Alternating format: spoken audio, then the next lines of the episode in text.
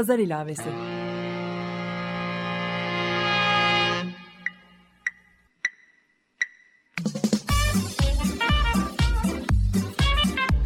...1936'dan günümüze 80 yıllık bir zaman tüneli.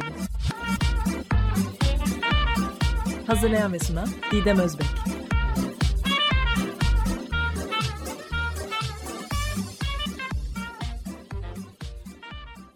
Merhaba sevgili Açık Dergi dinleyicileri. 1936 gündemini günümüze bağlayan pazar ilavesini dinlemektesiniz. Ben program yapımcınız Didem Özbek. Mayıs 2012'den beri üzerine çalıştığım çok katmanlı bir görsel sanat projesinin sözel çevirisini Açık Radyo'da sergiliyorum. Hatırlarsanız iki hafta önce sanat tarihçi Burcu Pelvanoğlu'nu konuk etmiştim. Daha sonra onunla başladığımız konuşmaya heykeltıraş Mehmet Aksoy da katıldı. Geçen hafta kaldığımız yerden ve objektif bir sanat tarihi nasıl yazılabilir sorusu üzerinden başladığımız tartışmamıza bugün devam etmek istiyorum. Bu bölüm dahil son 3 bölüm özellikle Mardin Artuklu Üniversitesi heykel bölümü öğrencileri tarafından da dinleniyor. Bu vesileyle Türkiye ve dünyanın dört bir yanında bu programı dinleyen herkese Açık Radyo, Açık Dergi ve Pazar ilavesinden selamlarımı yolluyorum. Bu hafta ilk defa programımı dinleyen ve daha önce neler konuştuğumuzu merak edenlere Pazar ilavesinin geçmiş bölümlerini Açık Radyo.com.tr ve Pazar ilavesi blogspot.com adreslerinden dinleyebileceklerini hatırlatmak istiyorum. Şimdi geçen hafta kaldığımız yerden konuşmaya devam edelim. Ben size şunu sormak istiyorum Mehmet Bey. Sizin anıtınızın elinin bir kopyasını daha sonra 2011 yılında Hollandalı sanatçı ikili Osterald Utentius yaptılar ve o işin üretim sürecinin tamamen bir parçasıyım. Aslında prodüksiyonu gerçekleştirdiğimi söyleyebilirim. Çok kötü bir şey olmuş.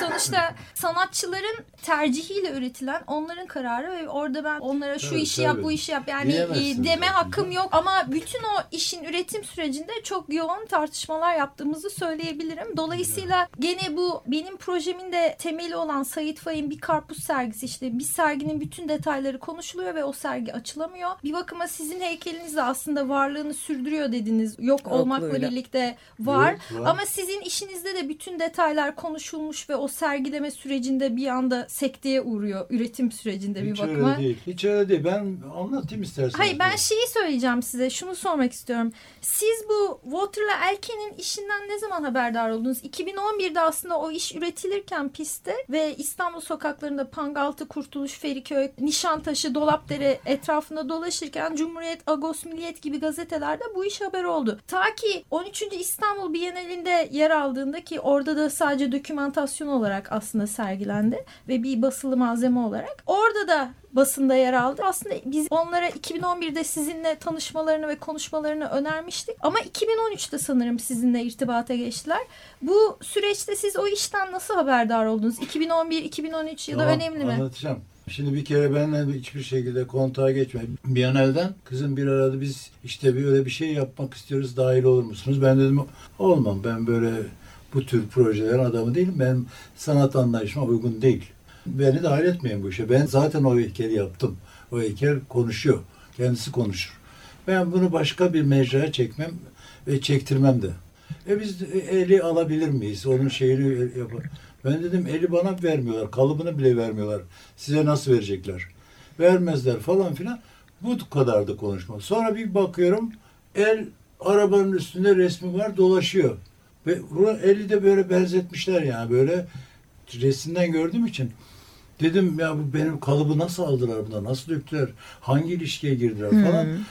Straforla yapılmıştı. Straforla yapmışlar. İşte orada tabii fotoğraf teknik teknoloji onu büyütüyor. Anında tabii. yapıyorlar o hikaye. Elle ee, yaptılar tamamen. Tamamen straforla. Yani, Zımpara ve bıçak kullanarak. Anladım. Öyle yapmışlardır. Nasıl olsa boş ver. Biz yakından görmediğimiz için o kendilerine benzemiştir büyük bir ihtimalle. Çünkü orada form duyarlı bilmem ne falan böyle birebir orada ne, ne şeyler vardır ne incelikler var onlar tabii yok oldu. Önemli değil onlar için zaten. Ona benzeyen bir şey olsun yeter ki budur. Yani bir heykel ki düşünün Michelangelo Davud'un şurada sarkan kolunu koparıyorsun. Millete gösteriyorsun. Millete işaret yapıyor. Bunlar tepki oluyor. Bakın siz. İş gerçeklikten, sanatın içeriğinden ya benim demin anlattığım o tüm içerikten hiç ilgisi yok. Bir el ve katılım da o el hareketini yapmak oluyor. Ne kadar sanatçı arkadaşlar, ne kadar kavramsal. Ya bu karikatür gibi, bu kadar basite indirilmez bir şey. Üstelik, yani buna ne deniyor biliyor musunuz? Simülakrum diye bir şey var, biliyor musun? Bu artık simülakrum böyle bir olmayan bir şeyin olmuş gibi göstermek. Kendisine mal etmek. Yok olan bir şeyi o imajla kendine bir tatmin sağlıyor. Yok ama aslında gerçek değil. Anlatabiliyor muyum? Gerçek olmayan bir şeyin bir şeklini çiziyor. Bu sanatta en kötü şeydir. Yani gerçeğin inkarına götürür. Ve giderek kendinin inkarına, sanatın inkarına gidiyor. Ki zaten olay da budur. Heykel sanatının inkarını yapıyorlar. Benim gözümde heykel sanat inkarı bir detayı alıp heykelle bütünleştirip millete gösterip kendileri yani tam bir tefeci usulü bir şeyin üstünden bir popüler olmuş bir fikri bir sürü sanatçıyla dünyada bunu niye alıyorlar başka bir konu bulamıyorlar? Bu ne kabızlık ya? Bir, bir, bir şey üret kardeşim. Yani şimdi sen tavuk yumurtasını götür kartal yumurtasının altına koy ne çıkacak? Tavuk çıkar. Anlatabiliyor muyum? Bu. Hiçbir şekilde bundan prim kazanamazlar. Basında çıkar, yayında çıkar. Zaten sansasyoneldir. Onların temel içeriği bir sansasyon yaratmaktır. Dikkat çekmek, gerçeği saklamak. Gerçek yok, başka türlü bir gerçek oldu. El kol hareketine dönüştü. Bu büyük bir etik anlayışsızlık, kötülük yani. Bu duruma düşüldü. Ve bunun yaparken hiçbir şekilde bana da sorulmuyor. Ben tartışma istiyorum Biyanel'den. Diyorum ki bunu yaptınız. Dergi çıkarıyorsunuz kocaman sayfa sayfa. Bilmem sokaklarda dolaşıyorsunuz. Ve sokaklara dolaştan kime sorsan bir de pozitif cevaplar alıyorlar. Katılımcı bir alternatif anıt. Şimdi lafa bakın siz. Demek ki bu anıta sen karşısın aslında. Alternatif oluyoruz. Bu bu demek zaten. Ve bunu karşı olduklarını da her şekilde gösterdiler. O topladıkları elleri bir takım işaret diye beleden aşağı el hareketlerini getirdiler orada heykelimin önüne de diktiler oralara koydular serpiştirdiler. Patates sanki bu yeniden çiçek açacak. Bu kadar basit anlamsız ki hemen zaten oradaki insanlar işte tekme bilmem ne gördüğünde bir gün bile Polis geldi. polis geldi. Karakola Kalmaz. gittiler. Gözaltına alındılar. İyi olmuş, az bile olmuş. Ya ben orada olsaydım çok keşke. Neler olacaktı? Onu düşün. Bu şimdi bu böyle hakaret. Bir sanat eserine yani sana söyleyeyim o yıkan erk var ya o erkten de daha kötü bir hakaret aslında bu. Hiçe saymadır. Hiçe saymadır. Bir heykelin bir budunu koparıp bu heykel gibi tırnağını koparıp bilmem ne gibi sunmak. Bu soyutlamak. Bu gerçekten bu bir bir şeylik yani açık göz tilki. bu işin üretim sürecine şahit olduğum için aslında Water'la Elke bu eli yapıp sokak sokak dolaştırdıklarında toplumda infial yaratan bir konu üstüne de e, nabız ölçtüler diyeyim. İnsanlara bu el nedir diye sordular ve İstatikçi, e, bunlar istatik. Yok hayır yani. onlar sonuçta aslında bu katılıma açık. Bilimsel e, çalışıyorlar yok, bi-. Çok bilimsel çalıştıklarını söyleyemeyeceğim çünkü orada Çok bizim bir bilim. fikir uyuşmazlığımız olmuştu. Çünkü insanlara soruyorlar bu el nedir ve birçoğu insanlık kanıtına benzetmiyor. Ya nereden benzetsin? Bilmiyor ki insanlar o el ayrı duruyor. O heykelin zaten daha monte edilmemiş bir parçası. Bu bir kere büyük bir ayıp. Sen heykelin tümünden ele indirgiyorsun olayı. Ne kadar ayıp bir şey ya. Yani bunu kime söylesem anlar. Bunu niye anlamıyoruz ki? O el o heykelin eşit değil. Yani onlar o soruyu sorduklarında karşı taraftan cevap alıyorlar ve Waterlake Türkçe bilmiyorlardı ve o süreçte onların üç farklı asistanı Asistan. vardı ve onlar asistanlarından sokakta diyelim ki ben el üstüne bir yorumda bulunuyorum ama size Türkçe söylüyorum siz aynı anda onu İngilizce deftere not alıyorsunuz. Hiçbir şekilde bir ses kaydı olmadı. Aslında bir kulaktan kulağa oyunu oldu. Tamam Yani, tamam da e, bu yani projenin Dolayısıyla metodolojik olarak zaten Yanlış. burada bir hata vardı. Bizim en Tamam. büyük muhalefetlerimizden biri de buydu. Şimdi bu noktada ben tekrar işin sanat tarihi yazımına gelmek istiyorum. Mehmet Aksoy'un işi özelinde ya da işte Walter Elken'in işi de olabilir. Sanat tarihi yazımı nasıl olacak? Yani e, var olan bugüne kadar yazılan kaynaklar üstünden mi yoksa işin sanatçıları hayatta olduğu sürece onlarla ortak çalışma mı? Bu soruyu daha sonra size de yönlendirmek istiyorum Mehmet Bey. Siz bir sanatçı olarak nasıl bir sanat tarihi yazımını tercih edersiniz kendi işiniz üstünden diye. Önce Burcu'ya sormak istiyorum. Bu olay özelinden bakacak olursak demin Mehmet Bey de söyledi tarihe düşülen epey bir not var. Bir heykelin mücadelesi, bir heykeltıraşın mücadelesi, yok olan bir heykelin varlığının devamı gibi. Ama bununla birlikte ben bir noktada sizden ayrılıyorum. Mesela siz içerik açısından ele indirgenmek olarak yorumladınız. O anlamda katılırım ama şu anlamda da katılmam mesela bu da aslında bir tarih yazımına not olarak düşülecek bir şey. Yani o sanatçılarla sizin aranızdaki gerilim de not düşülecek. Sanat tarihi aslında bir sanatçının kendisini kullanmak durumunda. Ağzından çıkanı, yazdığını, çizdiğini, ilk kaynak olarak. Bir yandan da onu sorgulamak zorunda. Dolayısıyla burada tarihçinin donanımı devreye giriyor. Onu beslemek zorunda, onu konumlandırmak zorunda. Gerekirse kavga ederek sanatçıyla, gerekirse göstererek, konuşarak, tartışarak. Sanatçı onu aynı şekilde hayır sen böyle görüyorsun ama bunun tekniği bu diyerek. Biz konuşamayan bir toplumuz. En büyük sıkıntımız Evet, da sanıyorum bu. Doğrudur. Şimdi o sanatçılarla bizim kavgamız falan da yok ortada. Çünkü onlarla karşılaşmadık, konuşmadık ki. Benim gıyabımda yapılan işler var. Ben yalnız savunma hakkımı kullanıyorum. Anlatabiliyor? Bunu bile kullandırmıyorlar insana. O Bienal sırasında benden tek laf duydunuz mu? Ben yok muyum? Benim bir fikrim yok mu? Bu nasıl bir sanat, nasıl bir sanatçılık ve özgürlük anlayışı? Hani sanatçı çok özgürdü, başkasının özgürlüğüne saygı duyardı. Ve de benim işim üstünden bir iş kotarılma. Bu ne demek ya? Sen başka bir iş yap kardeşim. Bu bir sanat olayı değil. Bu bir pay kapma. Bir yerden pay kapma ve bir fantazi yokluğu. Böyle bir mekanik bir durum. Bir çok birebir, çok küçültücü bir şey. Yapılan işle de kendileri şimdi yapılan işi de gösterseler bari. O bir soyutlama. Yani tümünü yok sayıp buna indirgeyip konuşuyor ve onun üstünden hareketler alıyor. Şimdi bunun adı da sanat oluyor. Tarihe not düşülmeyecek bunlar canım. Üç kağıtçılar, kalpazanlar tarihe not düşülüyorsa onlar da düşülür. Sanat tarihinde bundan nasıl faydalandı, bunun yolu, anlamı nasıl değiştirilmeye çalışıldı diye objektif olarak belki not düşülür. O bakımdan düşünülebilir. Ama bir sanat eseri ya da sanatçı bilmem ne bunun da ona karşı bunu yaptı. Öyle bir şey yok. Dediğim gibi bir tecavüz var. Hiçbir şekilde bana sorulmadan, benim fikrim alınmadan bir şeye sokulmuş durumda. Ve alternatif dedikleri şey alternatif olamaz. Çünkü alternatifte dağın başında patates ekersen kimse görmez abicim. Yapma bunu bunu sanatla, mekanla, bütün sanat değerleriyle. Deminden beri mekan anlatıyorum. Bundan ilgisi var mı bu yapılan işin? Mekanla ilgisi var mı? Heykelim bir de anıt diyor ya. İnsan inanılmaz bir şey ya. Anıt. Dağın başında görülmeyen patatesler anıt oluyor. Ben demin sorduğum soruyu tekrar yenilemek istiyorum. Siz kendi üretiminizin sanat tarihine aktarımının nasıl gerçekleştirilmesini tercih edersiniz? Tabii ben taşçıyım, Michelangelo ben tabii ki çok iyi anlarım. Ama bir sanat tarihinde taşçı olmasını beklemek de ayıp olur. Bu değil.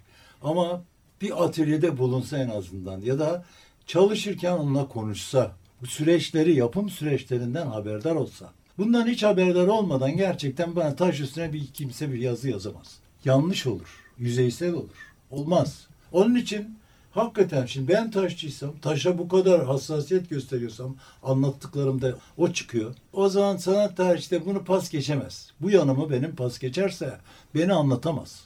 Anlatabiliyor muyum? Bütün o anlattıklarımı bir düşünmesi gerekiyor. Buradan o hassasiyetleri görmesi gerekiyor. Görmezse canı bilir. Kendisi yani iyi bir sanat tarihçi olamaz yani sonuç olarak. Benim kişiliğimle, malzeme yanaşımımla onu nasıl yonttuğumla ilintilidir. Bugün heykel sanatının ben devam ettiğini ve ilelebet devam edeceğini düşünüyorum. Çünkü form duygusu insani bir şeydir. Dokunma duygusu gibi görme duygusu üç boyut çekici bir şeydir. Üç boyutun inkarı olmaz. Rengin inkarı olmaz. Müziğin inkarı olmaz. Bu buna yapılan şu anda bu gelişmiş vahşi kapitalizmin sanat anlayışıdır şu anda. Bütün anlayışların çoğu ve oradan destek buluyor ve bizim sanatçılar da sanki o kapitalizme karşıymış gibi gösteriyorlar. Tam tersine içerikten boşaltılmış bir içerik. İnsani durumlar yok, duygu yok, bir şey yok. Böyle karikatürüsü, ay şaşırttım. Bundan da heykel olur mu? Bundan da resim olur mu? E, kahve telvesinden resim yaptım bilmem ne. Aa, çok enteresan. Yapraktan heykel yaptım falan. Ya sonuç heykel mi değil mi? Ben ona bakıyorum. Neden, nasıl yapıldı? Şaşırtıcı. Yenilik için yenilik yapılmaz. Yenilik kişiden gelir. Kişinin kendisinden. Ne kadar zamanını yaşıyor? Nedir? Zamanını ya, ya yaşıyor demek o, o demek. Yani bir Afrika'daki bir adam bilmem hangi devirde yaşıyorsa o da yenidir abicim. O, o, o devri yaşıyor. Günümüzün insanı. Dünyada bütün küresel dediğimiz şey bu küre her yerde eşit mi ya? Eşit değil. Bunu kurşun asker gibi görmek bütün insanları böyle bu ve onun gibi sanat üretmek, sanata karşı olmak demek değil mi? Neyi koruyoruz burada? Neyi anlatıyoruz? Sanat neye anlatır? Neye şehadet eder? Sanat tarihçi de bunları tespit ediyor. Bu şehadeti tespit ediyor aslında. Objektif tercih ederim. Bu hikayeyi böyle eğip bükmeden, taraflı olmadan, bir yan tutmadan, sanattan yana olup yalnız, sanatçıdan yana. Bu adam bunu yapmak istedi. Bunun da en canlı adamı benim. Dökümanlar var, bildiriler var. Belediyeyle yaptığımız anlaşma var. Onun metni var.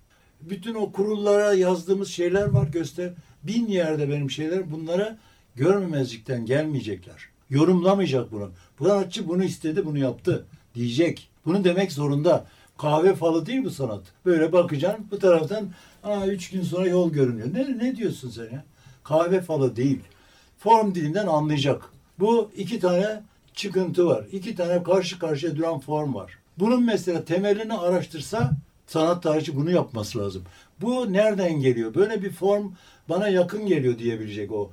Oradan mezar taşlarına gidebilecek. O sanat tarihçisi eğer. O sanat tarihçisi o mezar taşı anımsatmasını düşünüyor. Ölümü de bu bak düşünüyor bu heykeltıraş. Diyebilecek zekada ve duyguda olacak. Hakikaten de o aslında oradaki şehitlere de bir mezar taşıydı. O kadar kişi ölmüş. Ve o karşılıklı durma hikayesi başucu ayakucu taşlar budur. Bu şimdi bunları da bilmeden falan böyle iki rastgele ben öyle taşları koydum böyle öyle mi? Bu kadar basit değildir sanat olayı. Bu kadar basit değil. Çalma çırpma olayı değil. Tefecilikle sanatın ilişkisi yok. El becerisi gerekir, yetenek gerekir. Bir malzemeyi tanımak gerekir, mekanı tanımak gerekir. Tanıyamazsan hiçbir şey değilsin, tefecisin abiciğim. Burcu sana bu konuda şunu sormak istiyorum. Mehmet Bey, yani Mehmet Aksoy aslında işleri üstüne çok yazılan, bir tek sanat dünyasında değil, hani basında çok yer alan bir heykeltıraş. Burada sonuçta bir bilgi kirliliği de var. Ee, Mutlaka. Hani aynı on Mehmet Aksoy'un dediği gibi atölyesini ziyaret edip onun üretim sürecinin bir paydası olmak önemli ama bir de e, yayınlanmış e, şeyler var, yazılar var. Nasıl bir sanat tarihi Ee, yazmak en doğrusu olur? Bunlar arasında nasıl bir eleme yapmak gerek? Orada donanım devreye giriyor ve o bilgi kirliliğini iyi araştırarak ayıklamanız gerekiyor. Yoksa işin içinden çıkamaz kakafoni oluşturursunuz. Tabii doğru. Bütün mesele bir de direkt fırsatın varsa konuş be kardeşim ne zarar edeceksin. Faydan olur. Bilmediğin bir yerden bir, bir şey gelir. Sen o sana bir şey öğretir. Sen ona bir şey öğretirsin. Bir diyalog olur. Bu eksik. Oturdukları yerde insanlar bir şeyler yapmayacak. Bu olmayacak şeyler. Bir zahmet olacak. Yani üç boyutlu bir şeyin etrafında döneceksin arkadaş. Böyle resmine bakarak konuşamazsın. Üç boyutun önemi odur. Resim aldatmacadır. Böyle bir yalan bir şeydir. Gerçek olan üç boyuttur. Gerçek olan üç boyuttur ve günün her saatten değişen bir bu, bu şey. Işığın gelişine, açısına göre değişen bir şey olduğu için çok daha kıymetlidir. Etrafında dolaşmak gerekir, görmek gerekir, dokunmak gerekir. Mehmet Aksoy, Burcu Pelvanoğlu her ikinize de Pazar İlavesi'ne katıldığınız için çok teşekkür ediyorum. Biz Ee, teşekkür ederiz. Haftaya Biz daha önce duyurduğum gibi Bülent Erkmen'i konuk edeceğim ve onunla bayrağımızın rengi hangi esaslara göre belirlenecek konusu üstünden 20 Mayıs 1936 Çarşamba tarihli Kurun gazetesinde yer alan bir haberin 80 yıl sonraki tekrarları üstünden konuşacağız. Pazar ilavesi ile ilgili içerik bilgilerini Pazar ilavesi Twitter ve Pazar ilavesi blogspot.com adreslerinden takip edebilirsiniz. Geçmiş bölümleri ise açıkradyo.com.tr'den dinleyebilirsiniz. Bu bölümü de Mor ve Ötesi'nden Bir Derdim Var parçasıyla bitirmek istiyorum. Ben Didem Özbek. Haftaya yeni bir Pazar ilavesinde görüşmek üzere diyorum.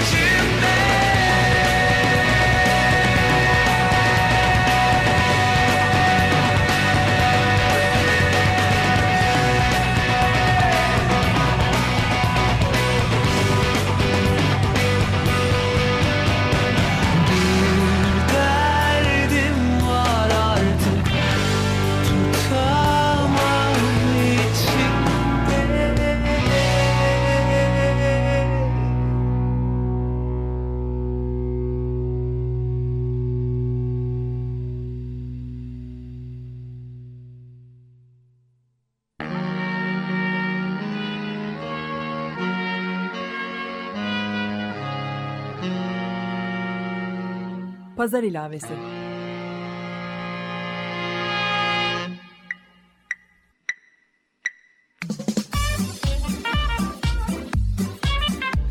...1936'dan günümüze 80 yıllık bir zaman tüneli.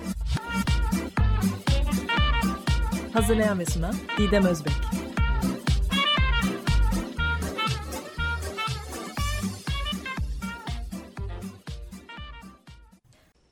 Açık Radyo program destekçisi olun. Bir veya daha fazla programa destek olmak için 212 alan koduyla 343 41 41